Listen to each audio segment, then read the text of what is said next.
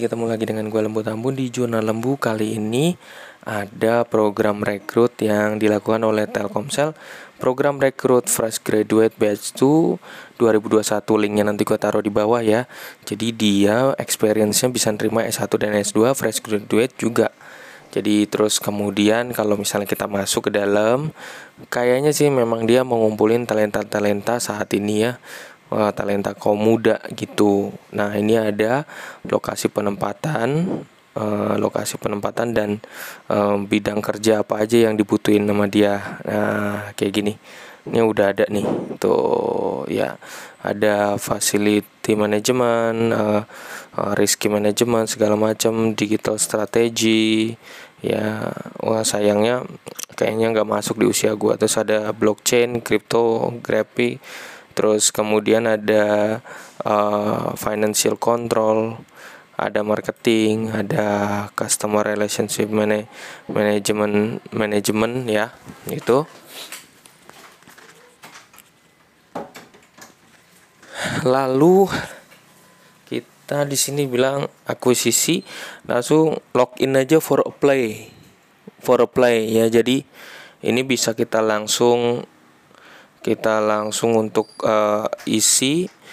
Terus kemudian nanti dari sini ini programnya dari Telkomsel.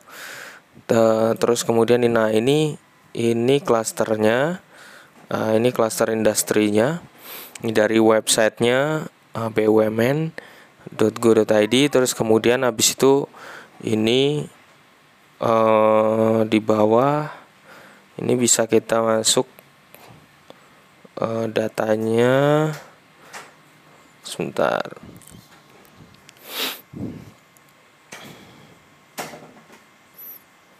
Oke, kita langsung ketik aja ya, cepet ya.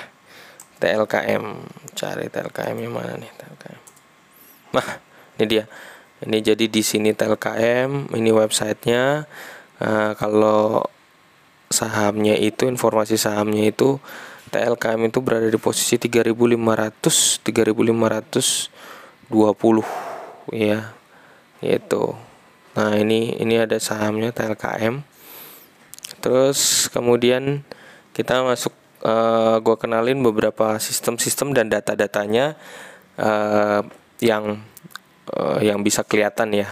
Jadi so nggak usah khawatir linknya kalau nanti untuk cari tahu ini udah ada di uh, YouTube maupun ada di podcast. Jadi nanti linknya kalau di kalau misalnya di podcastnya itu kesusahan gue masukin link ya pasti lo lihat aja di YouTube gue linknya itu uh, pasti gue masukin semua. Oke. Okay.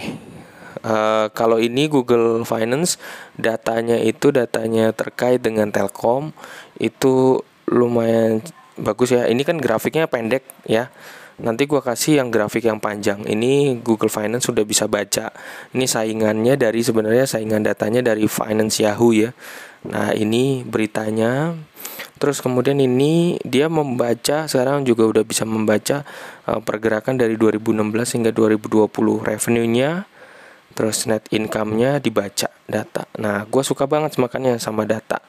Nanti uh, di Google Finance Finance tuh pokoknya Google Finance tuh udah bisa baca data saham um, semenjak sekitar setelah 2007 lebih ya gitu. Nah, yang menjadi saingannya adalah sini mana sih Yahoo-nya? Nah, aku majuin dulu Yahoo-nya sebentar.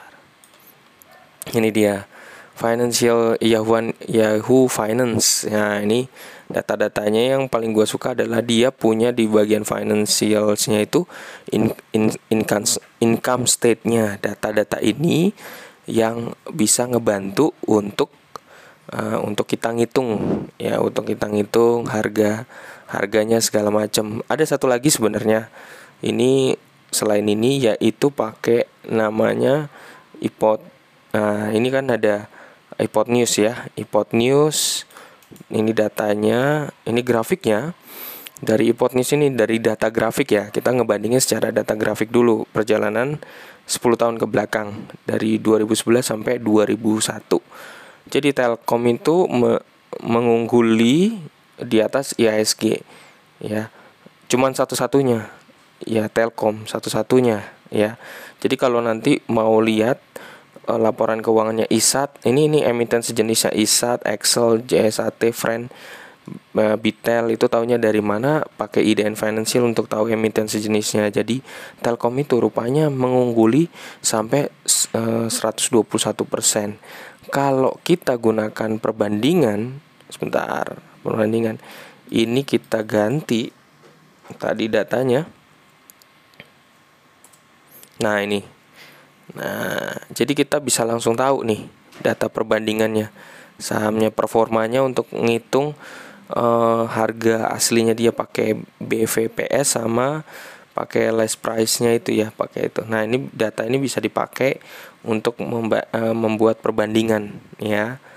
Uh, perbandingan ini data. Ini juga di aplikasinya iPod juga bisa. Ini juga sangat bagus kebantu banget.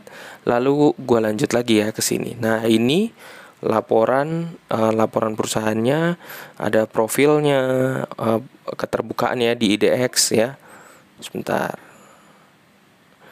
Terus kemudian ada dividennya data dividen ya. Terus kemudian ada pencatatan saham terus pengumuman obligasi dan segala macamnya ya. Datanya bisa dilihat di sini di IDX nanti uh, biar tahu nih detail profil perusahaan tercatatnya gimana. Nah kita lanjut ya. Banyak perus uh, banyak berita berita-berita di luar juga yang menyiarkan terkait dengan pasar modal di Indonesia. Khususnya punyanya Telkom ya.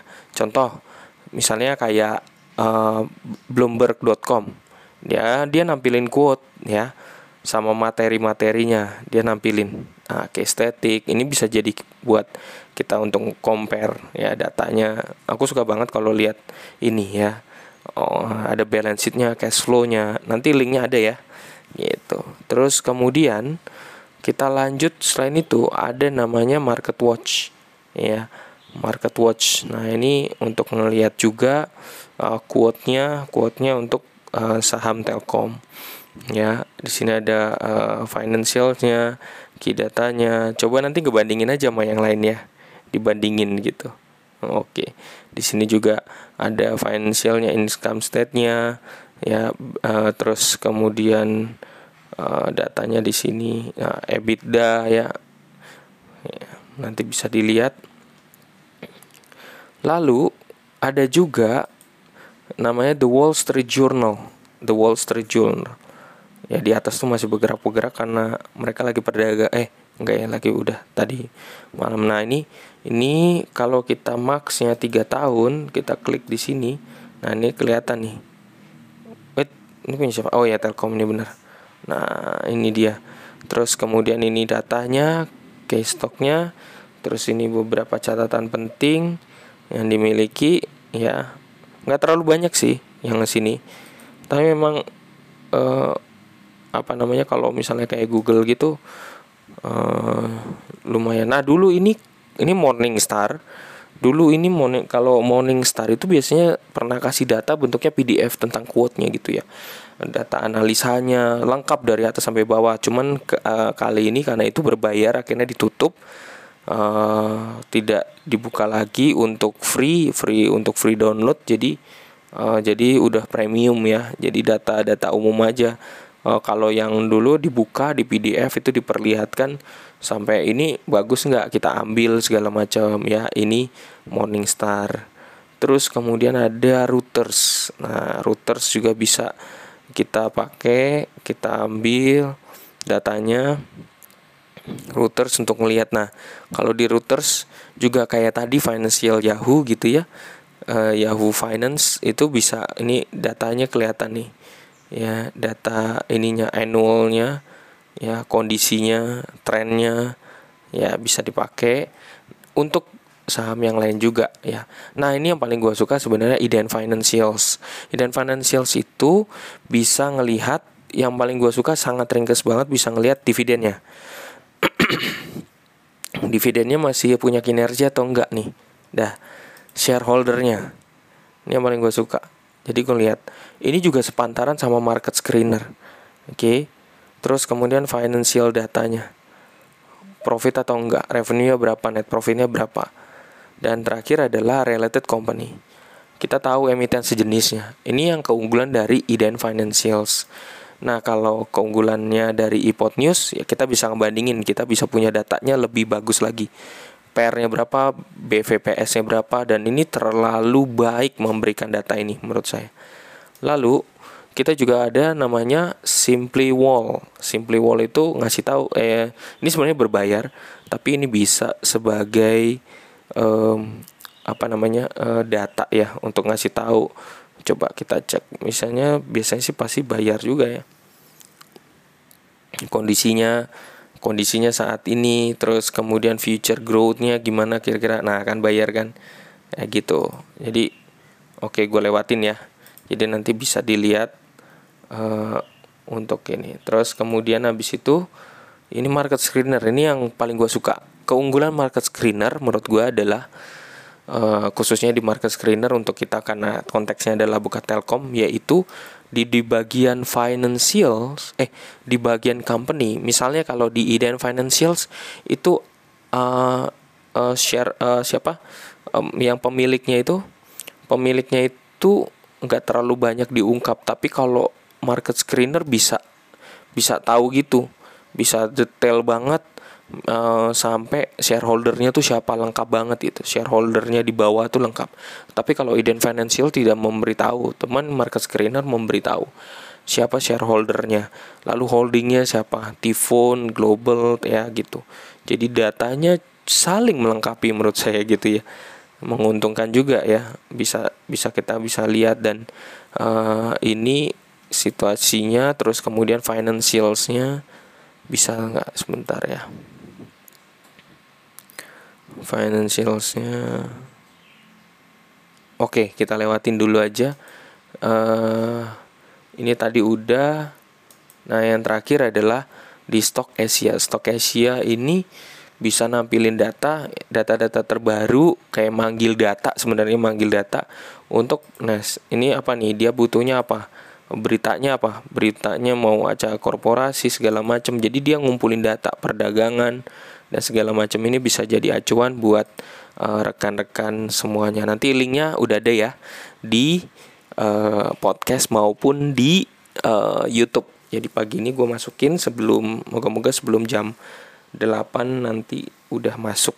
Oke, terima kasih dalam sekitar uh, 12 menit uh, uh, pertemuan kita uh, sesi podcast kita kali ini menjelang 13 menit Terima kasih untuk pagi ini, selamat beraktivitas, semoga menginspirasi. Jangan sampai lupa untuk daftar di program rekrut Fresh Graduate Batch 2. Thank you.